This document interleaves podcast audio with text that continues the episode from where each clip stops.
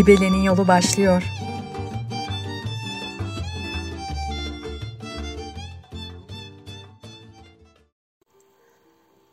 Aşırıyım ben. Dalın ucundaki tomurcuk gibi aşırıyım. Keser koparırsanız benden ne gül olur ne de yaprak diyor şair. Biz kadınlar aşırı olmalıyız ki bize başkalarının verdiği kimlikler yerine kendi kimliğimizi kendimiz belirleme gücünü elimizde bulundurabilelim. Merhaba sevgili dinleyiciler. Yolculuk Radyo'da Kibele'nin Yolu programında Atiye Kalkan'la birliktesiniz. Bugün ilk programı yapmanın heyecanını paylaşıyoruz sizinle. Bu nedenle sürçülisan edersek affola diye başlayalım söze. Biz her hafta cumartesi saatler 17'yi gösterdiğinde kadına, kadınlığa dair her şeyi konuşmak, paylaşmak için burada olacağız. Yani hayatı konuşacağız. Zaman zaman sizden gelen telefonlarla konuklarımızla hayatı paylaşacağız. Her hafta kadına, hayata dair bir konuyu ele alacağız. Haftalık kadın gündeminden söz edeceğiz kısa kısa. Biraz kitap, biraz film olacak çıkacağımız yolculukta ebemizde. Dünyanın farklı yerlerinden, farklı kültürlerinden ruhumuzu besleyecek müziklerle programımıza renk ve ses vereceğiz. Koronavirüs nedeniyle olağanüstü bir dönemden geçiyoruz. Bütün dünyada dengeler değişti. Koronavirüs salgını tüm dünyayı etkisi altına alıp milyonları eve hapsetti. Alınan önlemlerle neredeyse yaşam durma noktasına geldi. Bu süreçte ev içinde karantinada kalmak virüsten korunmanın en iyi çözümü olarak karşımıza çıkıyor. İş ve okul hayatları eve taşındı. E zaten ay sonunu zar zor getirirken korona sürecinde iş yerlerimizin kapanması ve karantinaya girmemizle birlikte ekonomik krizin derinleşmesi bizleri nefes alamaz hale getirdi. Bu sorunlara kadının geleneksel görülen rolüne geri dönmesi ve sürecin baskısıyla ev içi şiddetin iyice artması da eklendi. E bir de başımızdakilerin böylesi bir dönemde bile boş durmayıp nikahsız aynı evde yaşamak ayıptır, eşcinsellik hastalıktır gibi söylemlerle ötekileştirmenin ve ataerkil tahakkümün dozunu artırması da eklenince durum iyice zorlaştı. Biz kadınlar bugün hala bedenimiz, cinsiyetimiz ve cinselliğimiz sürekli denetim altında tutulduğu için büyük çoğunluğumuz sahne içindeki rolümüzle tanımlanıp emeğimiz ucuz ve değersiz görüldüğü için kendi hayatımızla ilgili kararlarımızda dahi irademiz yok sayılıp karar mekanizmalarında yer alamadığımız için, kimliğimiz görmezden gelinip sürekli şiddete maruz kaldığımız için ve daha birçok şey için mücadele ederken koronavirüs sürecinde tekrar içi alana hapsolduk ve geleneksel rol modellerine dönmemizi bekleyen bir düzen içinde bulduk kendimizi. Hani bazen Ay şekerim benim kocam tamamen eşitlikçi diyen kadınlar çıkıyor ya karşımıza. İşte kocalarıyla eşit şartlarda ilişkilerini sürdürdüklerini düşünen, öyle olduğunu zanneden bu kadınlar bile birdenbire kendilerini geleneksel rol modellerine bürünmüş buldular. Korona sürecinde hemen hepimiz birden ev kadını rolünde bulduk kendimizi. Zaten kamusal alanda çalışmayıp ev kadını olarak görülen kadınlarımız ev içinde sürekli çalışıyor ama emeği görülmüyordu. Korona sürecinde ise çalışıyor olsun ya da olmasın, eğitimli olsun ya da olmasın neredeyse tüm kadınların yaşadığı şeyler hemen hemen aynı. Çoğumuzun evindeki sahne aşağı yukarı şöyle değil mi? Önce sabah kahvaltısı hazırlanacak, bulaşıklar yıkanacak, ev temizlenecek, o arada çocukların birbiriyle didişmelerine engel olunacak, evde bir yaşlı ya da yaşlılar varsa onların bakımı yapılacak derken öyle yemeği vakti geldi bile. Oysa bulaşıkları bile yeni yıkamıştın. Çocuklar üstünü başını boyamış. Eyvah koltuklar da gitmiş elden. Çamaşırlar yıkanacak. Kola kuvvet bu koltukların temizlenmesi lazım. Sen bunları düşünürken kocanın oradan bağırdığını duyarsın. Hani nerede kaldı öyle yemeği ya? Açlıktan öleceğim. Daha kahvaltının bulaşıklarını bile yeni yıkadım. Sen de bana yardım etsen biraz. Yok işim var bulmaca çözüyorum. Neyse bir şekilde öğle yemeğini hallettik. Hallettik de iş bitmedi ki. Çocukların ödevine yardım edilecek daha. Hayır oğlum, üçgenin iç açıları toplamı 180 derecedir. Trigonometri ne mi demek? Ya Yunanca, trigon, me... Ya dur şimdi canım, kafamı karıştırma. Sırası mı sorunun? Önce şu ödevini bitirelim, daha birçok işim var. Çocuğun ödevini yaptırırken bir yandan da düşünürsün. Akşama ne pişirmeli? Pırasa pişirsem kimse yemez. Sebzeyi kocam sevmiyor. Çocuklar, çocuklar da hiç sevmiyor. Kuru fasulye pilav mı yapsam? Cık, yok olmaz. Babaanneyle dedenin perzini de düşünmek lazım. Bir çorba, köfte, pilav, bir de salata tamam. İşte oldu bu iş.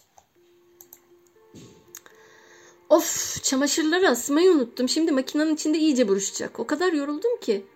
O arada babaanne ilaçlarını vermeyi unuttun diye söylenmeye başlar. Bir yandan dedeyle didişirler. Tamam anne ilaçları getiriyorum. O arada küçük oğlan koridorda top oynarken forması yırtıldı diye ağlayarak gelir. Ya neden ağlıyorsun yavrum? En sevdiğim forman mı yırtıldı? Of yenisini mi istiyorsun? Hayır hayır şu anda alamayız. Her yer kapalı. Ben dikerim formanı birazdan. Tamam babaannenle dedenin ilaçlarını vereyim. Formanı dikeceğim tamam mı? Koca oradan çocuklar gürültü yapıyor diye bağırır. Ona karşılık verirsin. Tamam gürültüden başın ağrımış olabilir ama neden bağırıyorsun? Sen de babasın. Çocuklar evde bütün gün sıkıldı. Biraz onlarla oynasan, ilgilensen. Ya bana neden bağırıyorsun? Koronayı ben mi ortlattım? Tüm bunlarla uğraşırken eyvah akşam yemeği için hazırladığın köfteler yandı. Evin içini duman sardı. Akşam yemeği vakti. Sofrada yemekle ilgili bir sürü eleştiri. Çorbanın tuzu fazla.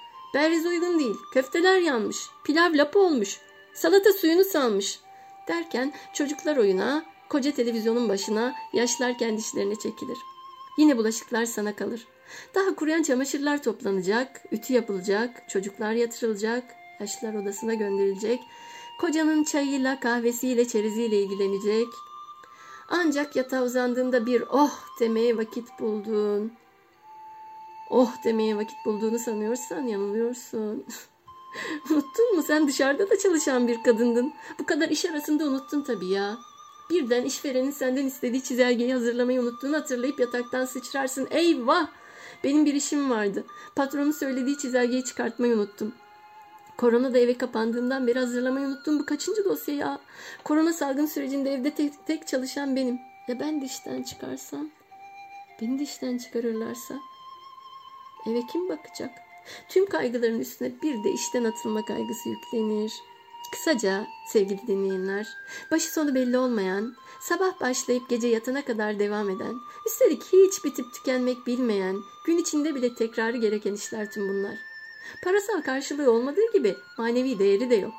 Ve korona sürecinde tüm bu işleri daha da yoğun ve doğal görevimizmiş gibi yapmaya başladık biz kadınlar. Burada daha da önemli bir noktaya değinelim. Korona salgın sürecinde ev içi şiddet daha, e, şiddetle katlanarak arttı. Çok sayıda ülkeden ev içi şiddetin arttığına dair haberler ve açıklamalar var. Fransa İçişleri Bakanı ülke genelinde ev içi şiddetin %30 oranında arttığını açıklamış. İspanya'da kadınların eczanelerde görevlilerden maske 19 talep etmesi durumunda eczane çalışanları polise gizli bir şekilde ev içi şiddet vakası bildiriminde bulunuyormuş. Ülkemizde de durum iç açıcı değil. Kadın Cinayetlerini Durduracağız platformunun açıklamalarına göre 2020 Nisan ayında erkekler tarafından 20 kadın öldürüldü. 20 kadın şüpheli şekilde bul e, ölü bulundu. Cinsel şiddet ve çocuk istismarı devam ediyor. Nisan ayında basın tarafından intihar veya doğal ölüm gibi sunulan şüpheli kadın ölümlerinde çok ciddi bir artış yaşandı. Bu veriler göz önünde bulundurulduğunda karantina sürecinde ev içi şiddet gören kadınların kendilerine şiddet uygulayan erkeklerle aynı evi normalden çok daha uzun süreler paylaşmak zorunda kalacağı açıktır. Hele de Birleşmiş Milletler Uyuşturucu ve Suç Ofisi'nin 2018'de evi kadınlar için en tehlikeli yer olarak nitelediği düşünülürse bu çok ciddi bir problem. Yanlış duymadınız.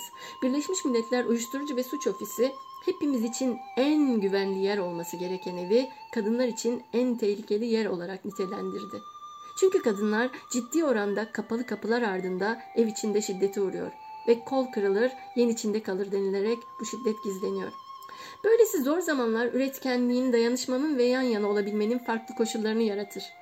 Bu dönemde dokunamamanın, sarılamamanın, dost sohbetini birbirinin gözünün içine bakarak yapamamanın eksikliğini yaşıyoruz fazlasıyla. Öyleyse neden boş duralım? Biz de dedik ki ataerkilleşme ile birlikte zaten yüzyıllardır hep ezilmişiz, yakılmışız, öldürülmüşüz. Kriz dönemlerinde işten ilk biz atılmışız. Aklımızla dalga geçilmiş. Ne giyeceğimize, kaçta eve geleceğimize bile biz karar verememişiz. Artık yeter. Biz kız doğuran tez kocar. Kadın aklında işe karışma. Kızın mı var, derdin var söylemlerine, ataerkil tahakküme ve toplumsal cinsiyet rollerine inat, her hafta cumartesi saat 17'de sizlerle buluşacağız. Buluşacağız ki sorunlarımızı beraber konuşup birlikte çözüm yolları arayalım. Buluşacağız ki kadının görünmeyen emeğinin farkında olup eşit, özgür, sömürüsüz bir ekmek ve gül günler üzerinde konuşalım. Buluşacağız ki burada ve yan yana olduğumuzu hissedelim. Dayanışmayı güçlendirip omuz omuza yürüyelim. Şimdi Fas'tan bir sese kulak verelim. Klasik Endülüs müziği ve seferat şarkıları söyleyen Amina Aloi, Alcantara albümünden bir seferat şarkısıyla evlerimize konuk oluyor. Amina Aloi ve İha Miha.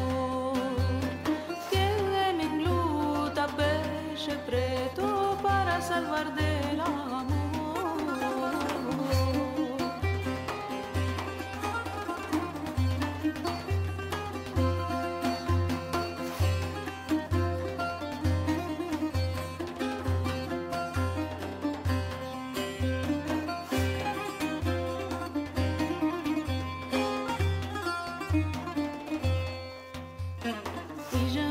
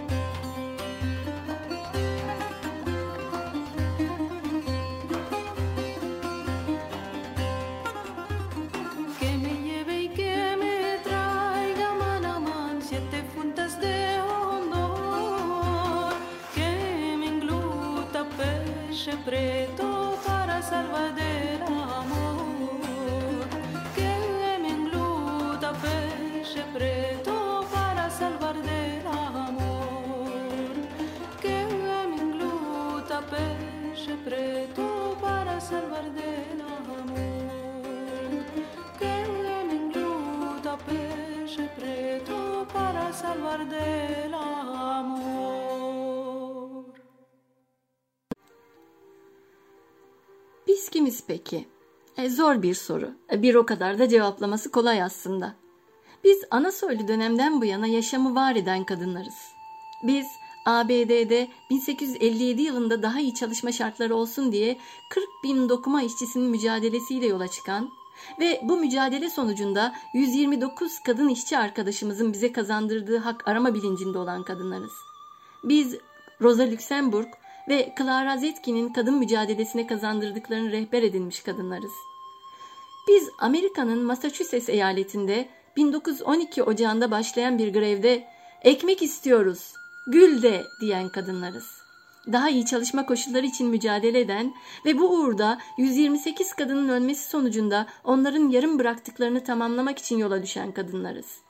Biz bir yandan yaşamı var ederken bir yandan görünmeyen, görünmek istenmeyen kadınlarız.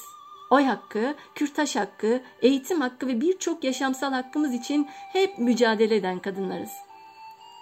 Kapitalist sistem bir yandan emeğimizi sonuna kadar sömürüp bir yandan da sistemin devamı için bedenimizi kuluçka makinalarına çevirirken bizler hep kapının dış mandalı ya da eksik etek olarak görüleniz. Hep erkeğin arkasında kalan, öldürülen, dövülen, baskıya, tacize ve tecavüze maruz kalanlarız. Ama bilinmeyen ya da unutulan bir şey var aslında. Biriktirdiklerimiz, öğrendiklerimiz ve bunları geleceğe taşıyacak nesilleri yetiştirenlerin bizler olduğu unutuluyor. Eşitlik ve özgürlük için mücadele eden kadınlara, gençlere olan sözlerimizi bilmiyorlar. Onların yarım kalan gülüşünün bizlere emanet olduğunu bilmiyorlar. Bir şarkı arası daha verelim mi? İtalyan prodüktör ve gitarist Marco Songini'nin Nothing But The Hill albümünden bir parça. Hana Rodriguez de Silva söylüyor. Porqué?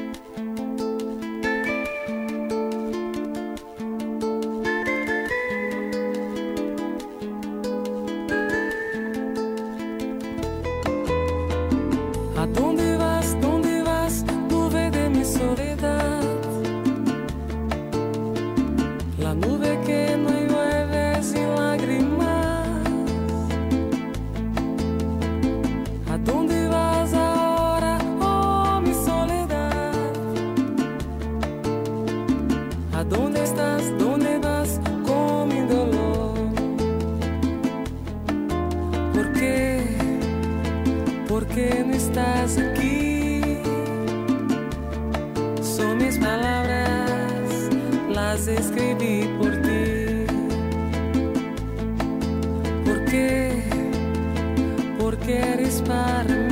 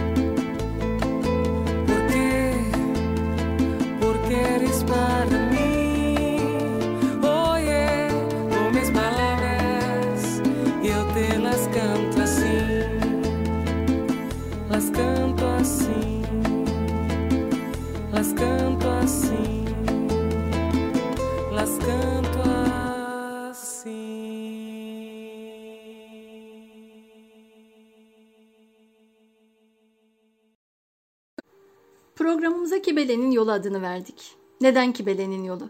Biraz ana tanrıça Kibele'den ve ana tanrıça kültünden bahsedelim mi? Anadolu kökenli en eski tanrıça Kibele. E, tapım özellikle tarımla uğraşan yerleşik toplumlarda ve kadınlar arasında yaygın. Evrensel ana tanrıça, bereket simgesi, vahşi doğanın hakimi, evrensel bir doğa tanrıçası. Helen, Roma veya eski yakın doğunun diğer tanrıçalarından çok daha önemli bir tanrıça. Aslında yansımaları onlara kadar gitmiş bir tanrıça. Ana tanrıça ve tanrıların anası kabul ediliyor ve istisnasız saygı görüyor. Kibele'nin öne çıkması aynı zamanda Anadolu'nun Frigi öncesi sakinleri arasında ana soylu toplum geleneğinin de yaygın olduğunun göstergesi. E zaten Tanrı'nın cinsiyeti egemen güce işaret etmez mi her zaman? Eder. İlk izleri Anadolu'nun en eski dönemlerinde görülen Kibele daha sonra Hitit kültüründe karşımıza çıkıyor. İlk kez Kupab olarak görüyoruz onu. Frikler aracılığıyla buradan Helenlere geçiyor, oradan da Roma'ya. Ve en çok tapınılan tanrıça oluyor antik çağda.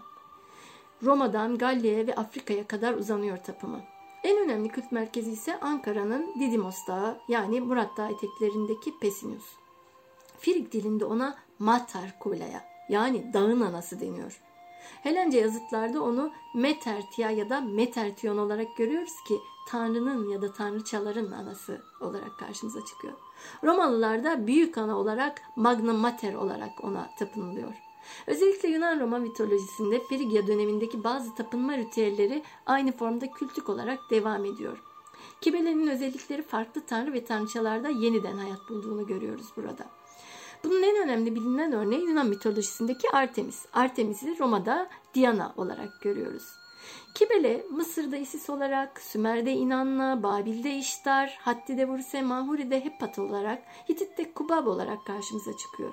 Filik'te onu Mater Kubilaya olarak görüyoruz. Likya'da Leto, Fenike'de Astarte, Efesos'ta Artemis. Yunan'a geldiğimizde Demeter olarak, güçlü bir tanrıç olarak karşımıza çıkıyor. Roma'da ise o Diana. İşte bu nedenle evrensel olduğu söyleniyor ya Kibele'nin. Efes'in çok memeli Artemis heykelleri tanrıçanın doğaya hakimiyetini ve her türlü uygarlığın koruyucusu olduğunu simgeliyor. Heykellerden bazılarının başında üç katlı kule biçimli tapınak var. Bu başlık onun şehirlerin koruyucu özelliğini vurguluyor. Tanrıçanın yanında alıcı kuşlar, leoparlar ve fantastik yaratıklar var. Bunların hepsi yırtıcı hayvan. Yırtıcı hayvan tanrıçanın güçlü imajını sağlamlaştırıyor. Orta Frigya'da onun en sık rastlanan hayvan atribüsü yani kibelenin e, onun kibele olduğunun işareti atmaca ve şahin. İkisi de yırtıcı. Doğa üstünde sonsuz egemenliğinin bir simgesi olarak da leoparı yanından hiç ayırmadığını görüyoruz Kibele'nin.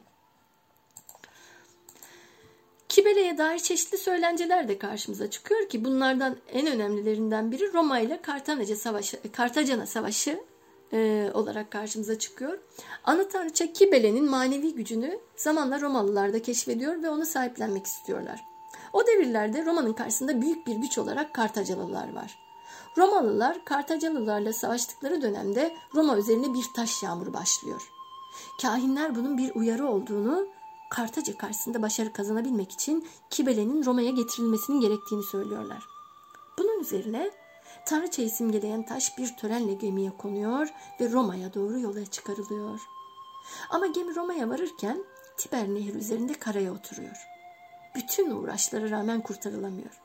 O sırada Tanrıçadan bir ses yükseliyor. Ancak kirletilmemiş eller sokabilir beni buraya. Bunu duyan bir genç kız belinden kemerini çözüyor, gemiye bağlıyor ve çeke çeke gemiyi Roma'ya getiriyor. Bu kız iftiraya uğramış bir Vesta rahibesi aslında ve koca gemiyi tek başına çekmekle de suçsuzluğunu kanıtlamış oluyor. Romalılar Kartacalıları yeniyor ve tarih sahnesinden siliyorlar. Ana tanrıça Kibile'nin hikayesi böyle. Programımıza bu güçlü ana tanrıçanın adını vermek istedik.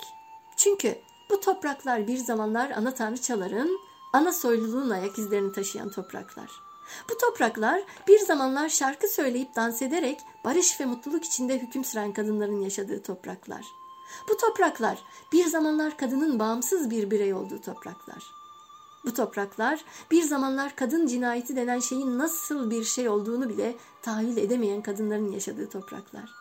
Bu topraklar kadın gücünün, kadın bereketinin, doğayla barışın yaşandığı topraklar. İstedik ki yalnız değilim, yalnız değilsin, yalnız değiliz, biz birliyiz diyebileceğimiz bir programımız olsun.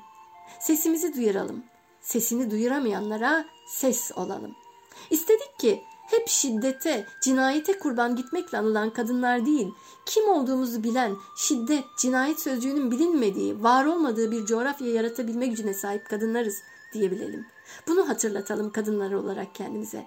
İstedik ki ana tanrıça Kibele'nin izinde bir yolculukla içimizdeki güçlü kadına, içimizdeki tanrıçaya seslenip kendi gücümüzü keşfedelim. Kendi adımızı başkalarının koymasına izin vermeyip kendimiz koyalım. Kibele'nin yolculuğu devam ediyor sevgili dinleyiciler. Şimdi Balkan müziği üzerine yoğunlaşmış bir vokalist ve etnomüzikolog olan Eva Salina'dan bir Yunan şarkısı dinleyelim. Sanatçının kadınların kültürel kimliğini ve geleneklerini korumadaki rollerine odaklanan uluslararası bir işbirliği projesi olan Jian'da yer aldığını da belirtelim. Eva Salina'dan dinliyoruz. Beno Mestabeli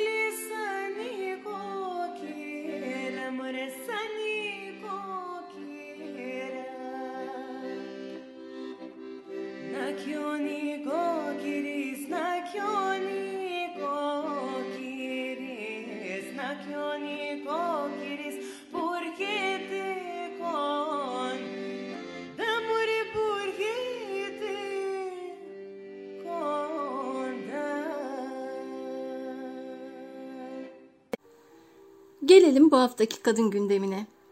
Gülistan Doku cinayeti üzerinden 120 gün geçtiği halde haber alınamıyor. Sosyal medya hesaplar üzerinden Gülistan Doku nerede? Baraj kapakları açılsın çağrısıyla eylem yapılmaya devam ediliyor. İçişleri Bakanlığı yaptığı yazılı açıklamada geçen yılın Nisan ayında 44 kadın, bu yılki Nisan ayında ise 20 kadın erkek şiddetiyle hayatını kaybetti diyerek geçen yıla göre bu düşüşü bakanlık olarak yürüttükleri aile içi ve kadına şiddetle mücadele çalışmalarına bağlamıştı. Oysa kadın cinayetlerini durduracağız platformunun paylaştığı veriler işte bu yönde değil. Kadın cinayetlerini durduracağız platformu verileri Nisan ayında 20 kadın cinayetinin işlendiğini ve 20 kadının da şüpheli bir şekilde ölü bulunduğunu gösteriyor.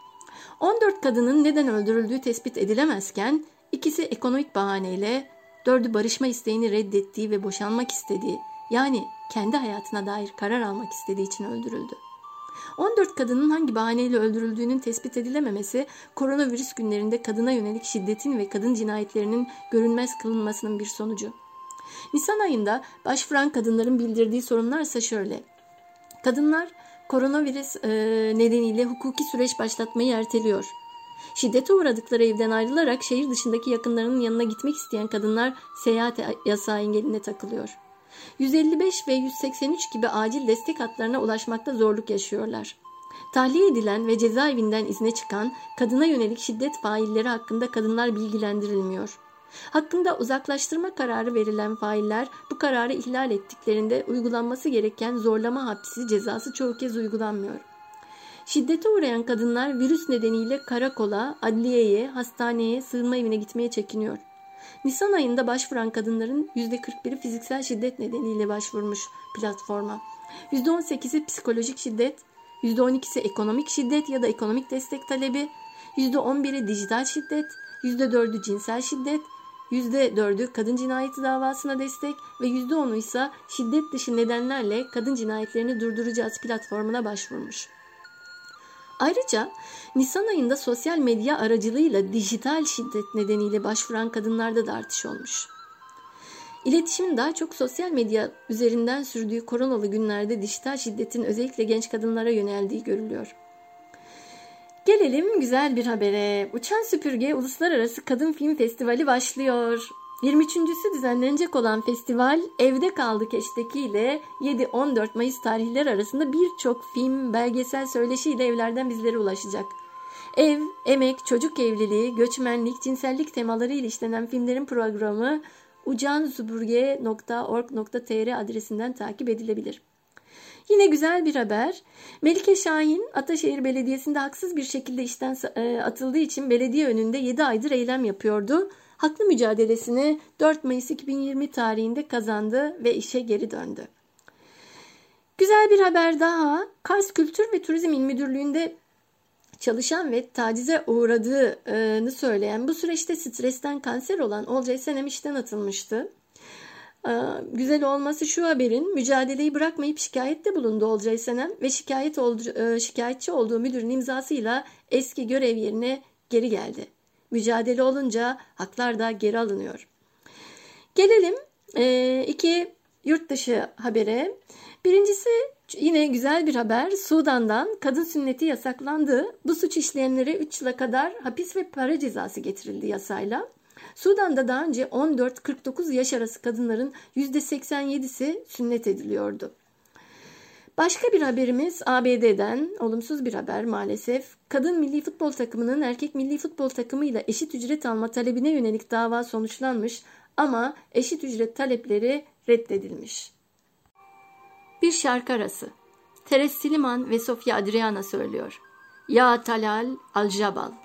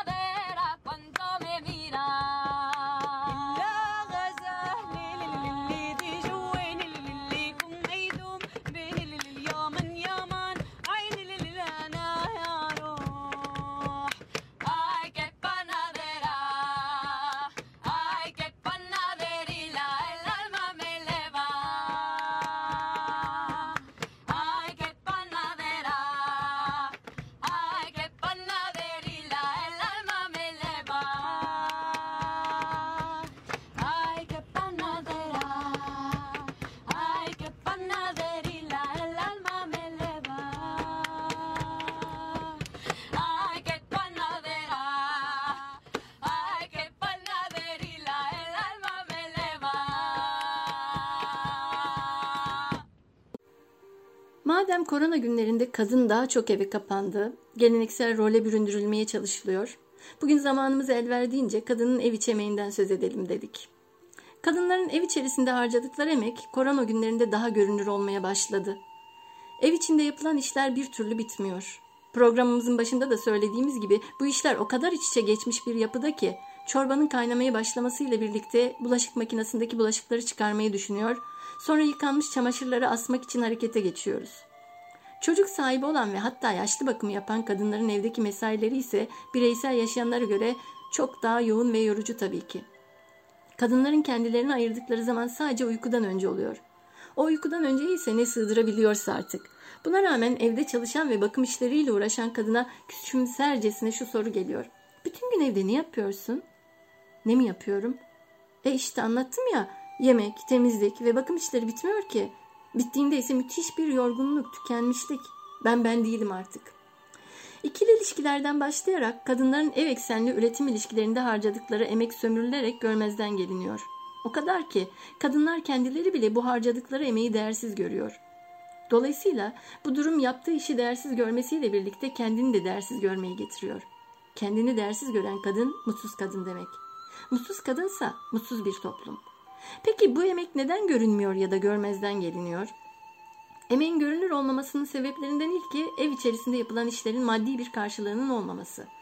Temizlik, yemek, çocuk, hasta yaşlı bakımı gibi hizmetler içinde bulunduğumuz serbest piyasa ilişkilerinde bir toplumsal üretim olarak görülüyor ve yapılan işin karşılığı bir ücret ile belirleniyor. Bu hizmetleri dışarıdan karşılamak istediğimizde bir ücret ödemek zorunda kalıyoruz. Ancak ev içerisinde yapıldığında herhangi bir ücreti yok her şeyin bir maddi karşılıkla belirlendiği ve anlam bulduğu kapitalist sistemde para en değerli şeyken, herhangi bir parasal karşılığı olmayan ev içi emeğin toplumda değer görüp üretken emek olarak değerlendirilebilmesi mümkün müdür? Ev içi emeğin görünür olmamasının ikinci nedeni ise doğallaştırılmış bir emek olması. Kadınların ev içerisindeki işleri ve pratikleri kadının doğasından gelen, kadına özgü işler olarak görülüyor. Bu işler üzerinde harcanan zaman emek olarak değil de bir davranış biçimi olarak görülüyor. Ne demek davranış biçimi? Aile içinde bu emeğin sevgi ilişkileriyle sarmalanmış, peçelenmiş durumda olması. Yani burada harcanan emek emek olarak kabul edilmiyor. Bir sevgi ifadesi. Kadınların yakınlar için doğal olarak yaptıkları şeyler gibi algılanıyor. Çünkü bize hep söylene gelen ve doğduğumuz andan itibaren içselleştirmemiz için sürekli yinelenen toplumsal cinsiyet rollerine göre şefkat göstermek kadının doğal güdüsü. Çocuk büyütmek doğal becerisi. Kadınların bu türden doğal yatkınlıkları var. E, bize böyle söyleniyor. Kısaca kadının ev içi emeğinin görünmez kılınmasının altında yatan olgu toplumsal cinsiyet rolleri. Yani biyolojik kadın ve erkek cinsiyetlerimiz üzerine kurulu olan ve toplumun kültürel olarak ürettiği, yüklediği ve öğrettiği roller. Bu nedenle Simone de Beauvoir kadın doğulmaz, kadın olunur diyordu yatsınamaz bir gerçekliğe sahip olduğu için 60 ve 70'li yıllarda kullanılmaya başlayan toplumsal cinsiyet kavramı hemen kabul gördü. Toplumsal cinsiyet rollerine ev, ev içi emek açısından bakacak olursak erkek dışarıda çalışmalı, eve ekmek getirmeli, kadınsa ev içi işlerle ilgilenmeli ve bakım işlerinden sorumlu olmalı ve analık işleviyle sınırlandırılmalı. Yani kadına düşen iyi bir eş ve ana olması. Bu nedenle kadınlara bebekliklerinden itibaren onun statüsünü belirleyecek iyi, ekonomik bakımdan güçlü koca bulmaları öğretilir. Düzene ve yasalara göre kadın için tek güvence evlilik kurumu olarak görülür. Kadınlar önce babalarına, sonra evlenerek kocalarına ve sonra da çocuklarına bağımlı olarak yaşamak zorunda bırakılır. Temizlik, beslenme, hasta bakıcılığı, çocuk bakımı ve eğitimi ve daha bir dizi irili ufaklı işi genellikle karın tokluğuna yapmak zorunda kalırlar. Geçim düzeyleri ise kendi harcadıkları emekten bağımsız olarak aile bütçesinin durumuna göre belirlenir. Bu nedenle daha bebekliklerinden itibaren kızlara hali vakti yerinde hayırlı bir kısmet bulmaları öğütlenir. Çünkü kadının statüsü önce babasına sonra kocasına göre belirlenir. Ve hali vakti yerinde bir koca demek kadının geçinmek için aile bütçesinden alacağı payın da artması demek. Oysa temel nedeni maddi çıkarlar olan bugünkü evlilik düzeni daha baştan kadınlar için özünde bir bağımlılık, kölelik anlaşması değil mi? Evet, kadının e, ev kadını statüsü erkek egemenliğinin kapitalist sistemde evlilik sözleşmesine dayanarak toplumsal bir görev olarak sürmesinden başka ne ki? Emeğine, evlilik sözleşmesiyle toplum adına el konulan kadın ekonomik olarak evde kocaya bağımlı olur. Bu durumun en temel sonucusu, sonucuysa kadınların mutsuz evlilikleri sürdürmesi, koca dayağı ve kötü davranışlara katlanmaya zorlanması. Kadın ev içi alana yönlendiriliyor dedik. Ya dışarıda çalışacaksa? Mühendislik mi? Olur mu canım? Hemşirelik, öğretmenlik ne güne duruyor? Toplum kadına teknik işleri uygun görmek yerine yine bakım ve eğitim işleriyle ilgili meslekleri uygun görür bebeklikten itibaren bunu empoze eder. Siz hiç büyüyünce ne olacaksın çocuğum diye sorulduğunda hemşire olacağım diyen bir erkek çocuğu gördünüz mü? Ya da kamyoncu olacağım, tren makinisti olacağım diyen bir kız çocuğu gördünüz mü? Böyle bir cevap verildiğinde büyüklerin tepkisi ne olur? Höt! Ne hemşiresi? Sen erkeksin oğlum. Ya da höt! Ne kamyoncusu? Sen kızsın yahu. Kızlar evinde oturur. Bu söylemlerle büyüyen çocuğun elbette ki kabuğunu kırıp gerçek kimliğini bulması zordur ama bu imkansız değil. Toplum kendi ürettiği toplumsal cinsiyet rolleriyle kadının evde kalmasını ve erkeğe itaat etmesini söyler. Kadına doğurgan olduğu için ev ve evdeki işlerle sınırlı bir hayata sahip olması gerektiğini, bunun doğal, kaçınılmaz ve ötesinde kaderi olduğunu, tüm biyolojik, toplumsal ve tanrısal yasaların öyle emrettiğini empoze eder. Sokak ve oradaki işlerse doğal olandan sapmadır. Bu düşüncelerle büyüyünce nerede tren makinisti olmaya cesaret edeceksin ki?'' Peki toplum erkekten ne bekler? Gilmore'a göre toplum bir erkekten üç önemli şey bekler. Bir kadını hamile bırakmak, kendisine bağımlı olanları tehlikelerden korumak ve hısım ve akrabalarını geçindirebilmek. Yani bir erkek erkek sayılabilmek için çocuk yapacak, eve ekmek getirecek ve yakınlarını, karısını, kızını koruyacaktır. Tabi burada bir antiparantez kendi şiddetinden nasıl koruyacak sorusu sorulmalı. Aslında bunları ortaya çıkaran erkek şiddetinin de temelini oluşturan önemli şeyler. Çünkü erkek erkekliğinin sorgulanmasından endişelenir ve bu saydığımız üç şey toplumun ürettiği cinsiyet rollerine göre erkekliğin göstergesi kabul edilir.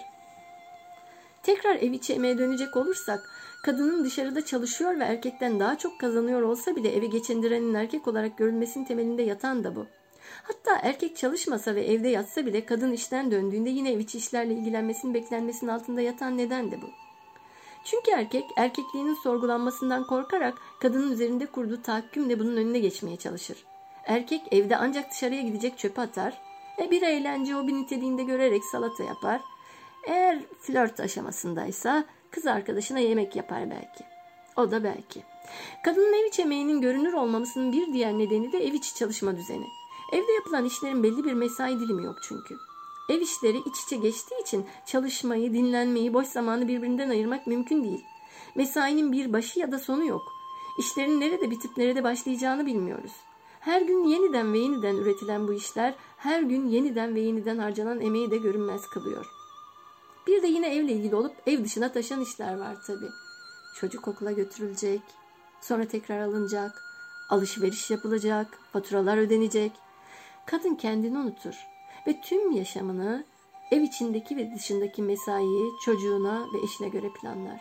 Onların ihtiyaçlarına ve saatlerine göre iş dizilimini sıraya koyar. Hele bir de işin içinde yaşlı bakımı varsa gelsin tükenmişlik sendromu. Sen sen değilsindir artık. Tüm bunlara ev işlerinin ücretlendirilmesi gibi bir çözüm önerisi sunuluyor. Ev işleri ücretlendirildiğinde bu işleri yapan kadınların ev kadını statüsünden çıkıp ev işçileri statüsüne geçmiş olacakları vurgulanıyor ama bu çözümde bir yanıyla problemli gibi. Niçin? Çünkü bu durum kadınlara zaten bin yıllardır ev içi alanda biçilmiş olan toplumsal cinsiyet rolünün iyice tescillenmesi, meşrulaştırılması anlamına gelebilir. Bu anlamda yeni çözüm önerileri ortaya koymak gerek. Kadınların görünmeyen emeği toplumsal cinsiyet ilişkileriyle cinsiyete dayalı iş bölümüne dayanıyor ve patriarkanın en temel dayanağı.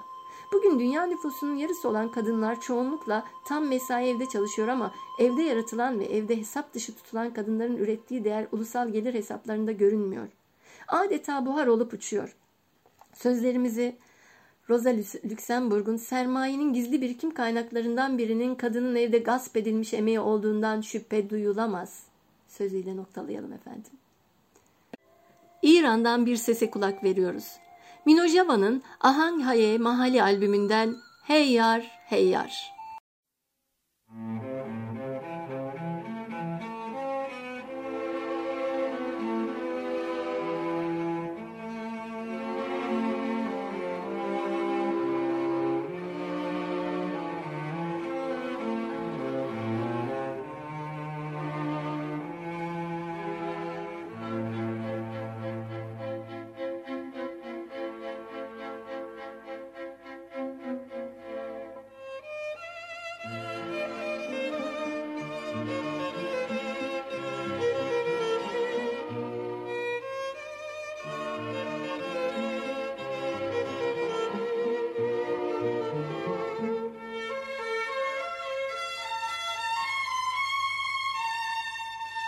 پیش جار بزنید عالم بدون یار بردن هبمم هیشگی می رای سرای گفتن نتانه یار بردن هبمم هی یار هی یار یار بردن هبمم سر سی سوار یار بردن هبمم بیش جار بزنید عالم بدونه یار بردن هبمم هیشگی می سر رای گفتن نتانه.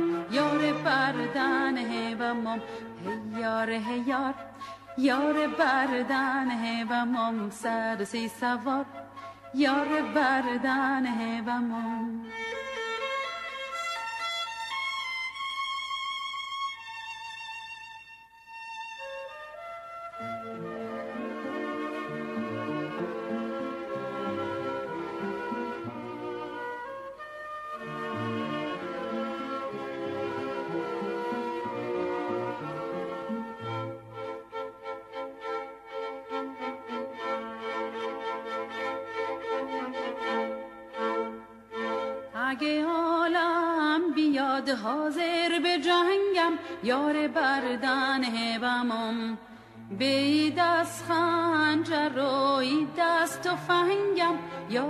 بردن هبمم هی یار هی یار یار بردن سر سی سوار یار بردن هبمم اگه عالم بیاد حاضر به جنگم یار بردن هبمم به دست خنجر و ای دست و فنگم یار بردن هبمم هی یار هی یار یار بردسی سوار یار بردن هبمم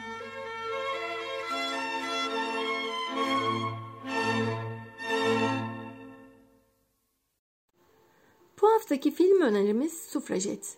Türkiye'deki gösterime çıktığı adıyla Diren. Sufrej kelimesi İngilizce'de oy kullanma hakkı anlamına geliyor.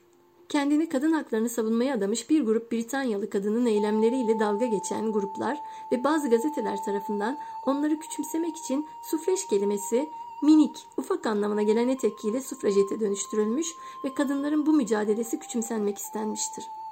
Daha sonra ise tarihe damgasını vuran çok önemli bir kadın hareketinin adı olarak anılmaya başlanır sufrajet. Sufrajet olarak anılan bir grup kadın velayet, eşit oy, mülkiyet hakkı, eğitim hakkı gibi birçok konuda kadınların erkeklerle eşit haklara ve öncelikle seçme ve seçilme hakkına sahip olması için Votes for Women sloganıyla eylemler yapmaya başlar. Sufrajet filmi merkezine bir çamaşırhane işçisini alarak bu dönemi perdeye aktarıyor. Yönetmenliğini Sarah Gavron'un, senaristliğini ise Shame ve The Iron Lady filmlerinde de imzası olan Abe Morgan'ın yaptığı 2015 yapımı film, 1912 İngiltere'sinde kadınların oy verme mücadelesini anlatıyor. Filmin oyuncu kadrosunda Helena Bonham Carter, Meryl Streep, Carey Mulligan ve Brandon Gleeson gibi yıldız isimler başı çekiyor. Filmin ana karakteri olan Maud Watts, İngiltere'de bir çamaşırhanede doğmuş ve çocukluğundan beri orada çalışan işçi bir kadındır. Kocasıyla ve oradaki diğer erkeklerle aynı işi yapmalarına rağmen onlardan daha düşük ücret alıp daha fazla mesai yapar. Buna iş yerindeki tacizler, evde yapılması gereken işler, çocuğun bakımı da eklenir. Fakat Maud bütün bunlarda bir sorun görmez. Çünkü o zamana kadar başka bir yaşam biçimi görmemiştir ki. Bu durumu işten çıktığı bir gün kadınların oy hakkını savunan bir grup kadınla karşılaşıp ertesi gün kendini onlarla birlikte kanun karşısına çıktığında bir çamaşırhane işçisi olarak şöyle dile getirir. Oy hakkı size ne ifade ediyor diye sorar yasa temsilcisi. Oy hakkımızın olacağını hiç düşünmedim. O yüzden ne anlama geleceğini de düşünmedim. O günden sonra Mood yaşadığı hayatı sorgulamaya başlar. Kadın hakları savunucularıyla hareket etmeye başlar. Bundan sonra eylemlerde aktif olarak yer alır ve ilk tutuklama gerçekleşir. Bu ilk tutuklamadan sonra ciddi bir toplumsal baskı yaşar. Hatta hemcinsleri bile onunla selamlaşmaz ve hakaret ederler. Sonrasında işten çıkarılır, hatta kocası tarafından evden kovulur. Bir gün oğlunu görmeye gittiğinde kocası buna izin bile vermez. Hak talep etmek istediğinde ise kadınların çocukları üzerinde velayet hakkının bile olmadığını kanunlar yüzüne bir tokat gibi çarpar. Filmin bir sahnesinde kocasıyla yatmadan önce yaptıkları sohbette bir kızımız olursa yaşamı nasıl olur diye sorar kocasına. Ve kocası da aynı annesininki gibi diye yanıt verir. Bu sahnenin Mood'un içsel sorgulamalarında önemli bir yeri var. Düşünsel ve eylemsel temelini birinci dalga feminizmden alan filmin ana karakteri olarak dönemin simge ismi Evelyn Pankhurst ya da oy hakkını alabilmek için at yarışlarında kralın önüne kendini atarak yaşamını yitiren Emily Davison karakteri yerine sıradan bir işçiyi seçmesi bize bir mesaj aynı zamanda. Mood binlerce kadından sadece bir tanesi. Aynı bizim gibi. Filmin sonunda İngiltere'de Emily Davison'ın kendisini feda etmesinden sonra 1918 yılında mülk sahibi ev sahibiyle evli, gelir getiren bir işte çalışan ya da üniversite mezunu olan 30 yaşından büyük bazı kadınlar 1928 yılında ise tüm kadınlar oy kullanma hakkını elde ederler. Ve perdede kronolojik olarak dünyada diğer ülkelerdeki kadınların hangi yıllarda oy kullanma hakkını elde ettiklerinin aktığını görürüz. Burada en göze çarpansa 2015 yılına gelinmişken kadınlara oy hakkı vereceğinin sözünü veren Suudi Arabistan'dır. 2015 yılında Suudi kadınlar ilk kez oy kullandı. Bu da bize 20. yüzyılın başından bu yana kadın mücadelesinin durmaksızın devam ettiği mesajını veriyor. 1992 yılında kurulan bir Ermeni müzik grubu olan Kınar'dan bir şarkı var sırada. Kınar grubu Anadolu Ermeni halk müziği söyleyen bir grup. Bundan dolayı Ermeni müziğinin en büyük ismi müzikolog Gomidas'a gönderme yapılarak Gomidas'ın vefakar torunları deniliyor gruba. Kınar'dan dinliyoruz. Şorora.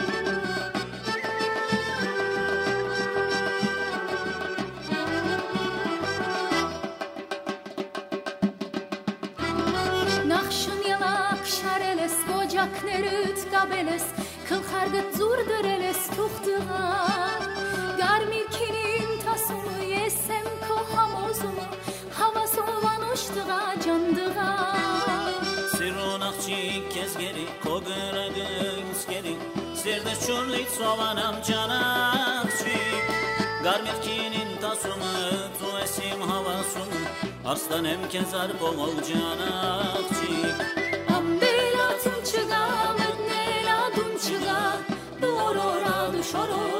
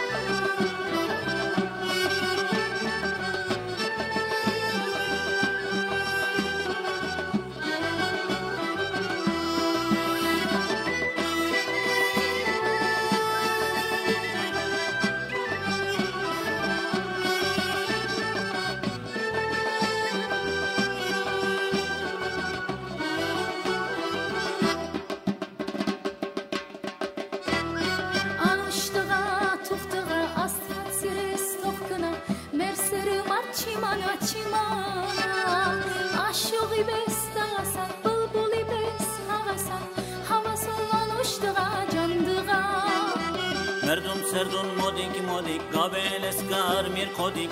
Lëmanes në ran halik canakçik Lusnagë shoge gëcel Jereset koge gëcel Im sirde dage gëcel kezmada. Ambela tunçıga Mennela dunçıga Dorora duşorora Kestir dosiresi aç keres kunçıga Dorora duşorora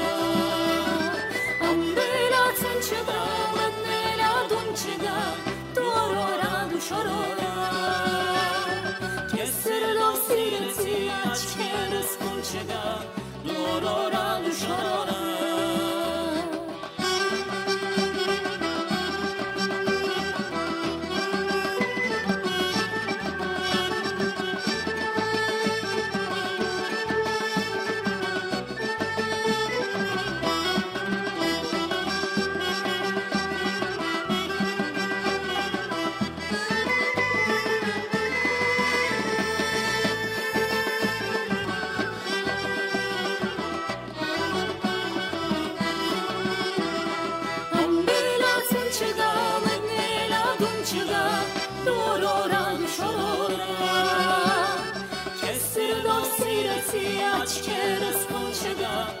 Dorora duşorora Ambela tunçıga Mennela dunçıga Dorora duşorora Kestir dosiresi aç keres kunçıga Dorora duşorora Ambela tunçıga Mennela dunçıga Dorora duşorora Kestir dosireti aç keres kunçiga Dorora duşorora Ambela tunçıga Mennela dunçıga Dorora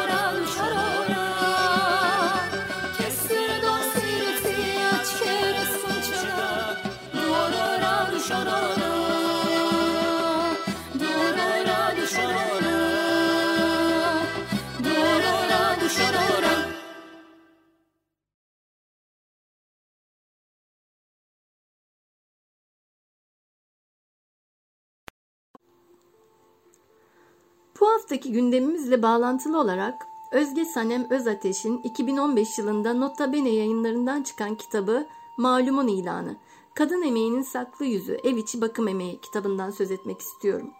Malumun ilanı, avcı toplayıcı toplumlardan orta çağa, 1970'lerden günümüze kadının emeği ve bu emeğin toplumdaki yerini inceliyor.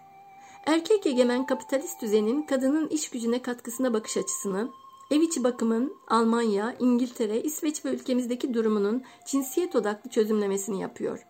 Ev içi bakım emeği konusunda karşılaşılan zorlukları tartışıyor. Cinsiyetçi iş bölümü, Türkiye'nin toplumsal cinsiyetlendirilmiş refah rejimi, bakım veren kadınların zaman kullanımı, bakım buhranları ve yoksunlukları konu başlıkları halinde irdeleniyor. Özateş, ülkemizde etkisini hissettiğimiz ataerkil düzenin kapitalizmle ortaklığına dikkat çekip, çocuk bakımının güncel koşullarını, yaşlı, hasta ve engelli bakımının saklı yüzünü ayrıntılı bir şekilde okurlarına sunuyor. Özateş, 354 bakım veren kadınla görüşerek onların sunduğu gerçekçi çözüm önerilerine kitabında yer vermiş. Bu hafta birlikteliğimizin sonuna geldik sevgili dinleyiciler. Programımızı neşeli bir ezgiyle noktalayalım. Başta Türk ve Yunan müziği olmak üzere Osmanlı, Bizans ve Yahudi müziğinden etkilenen Çek müzik grubu Nisos'tan bir şarkıyla sizlere veda edelim. Grup Nisos, adını Çek Cumhuriyeti'nde yaşamalarına rağmen ülke içinde ayrı bir ada gibi tamamen farklı kültürlerin müziğini icra etmelerinden almış. Vokalde Sofia Prusali var. Grup Nisos söylüyor. Pije. Bir sonraki cumartesi saat 17'de buluşana kadar güçlü kalın, barış içinde kalın, özgür kalın. Hoşça kalın.